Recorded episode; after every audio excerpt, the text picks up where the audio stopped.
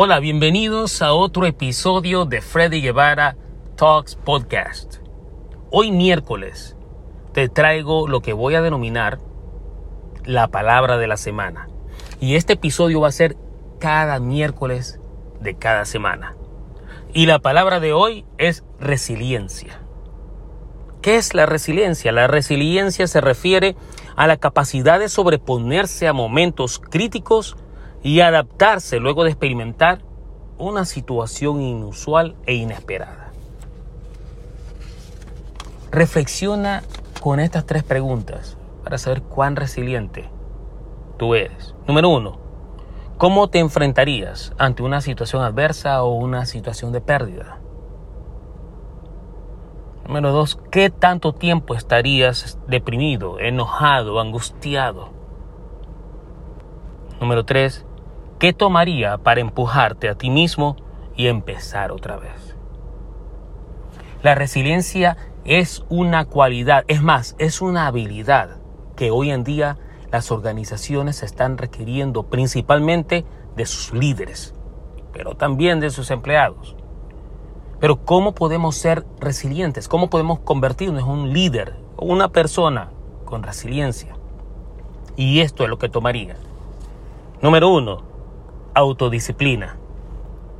Número dos, tener un diálogo interno positivo. Número tres, concentración para bloquear el ruido externo y bloquear esas voces negativas internas que a veces tenemos. Número cuatro, tomaría balancear la ansiedad y el miedo con el conocimiento de que si lo haces una vez, puedes hacerlo otra vez más. Número cinco, toma autosuficiencia para evitar la culpa y tener la fe de seguir adelante.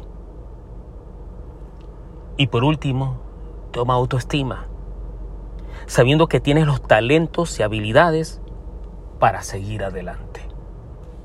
Esas son las cualidades que llevan a una persona a ser resiliente y te invito a partir de hoy te conviertas en una persona resiliente que a pesar de toda adversidad, de toda situación inesperada, inusual, de cualquier cosa que te saque de tu zona de confort,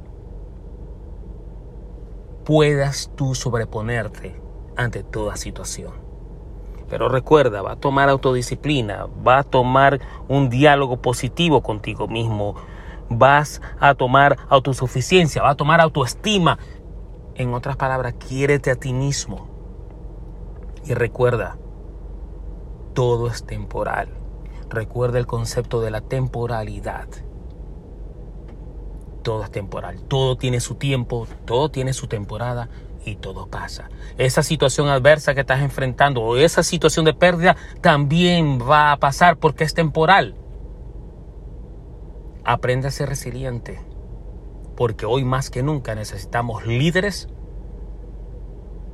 con esa capacidad de sobreponerse ante una crisis. Más que nunca hoy lo necesitamos. Hasta la próxima.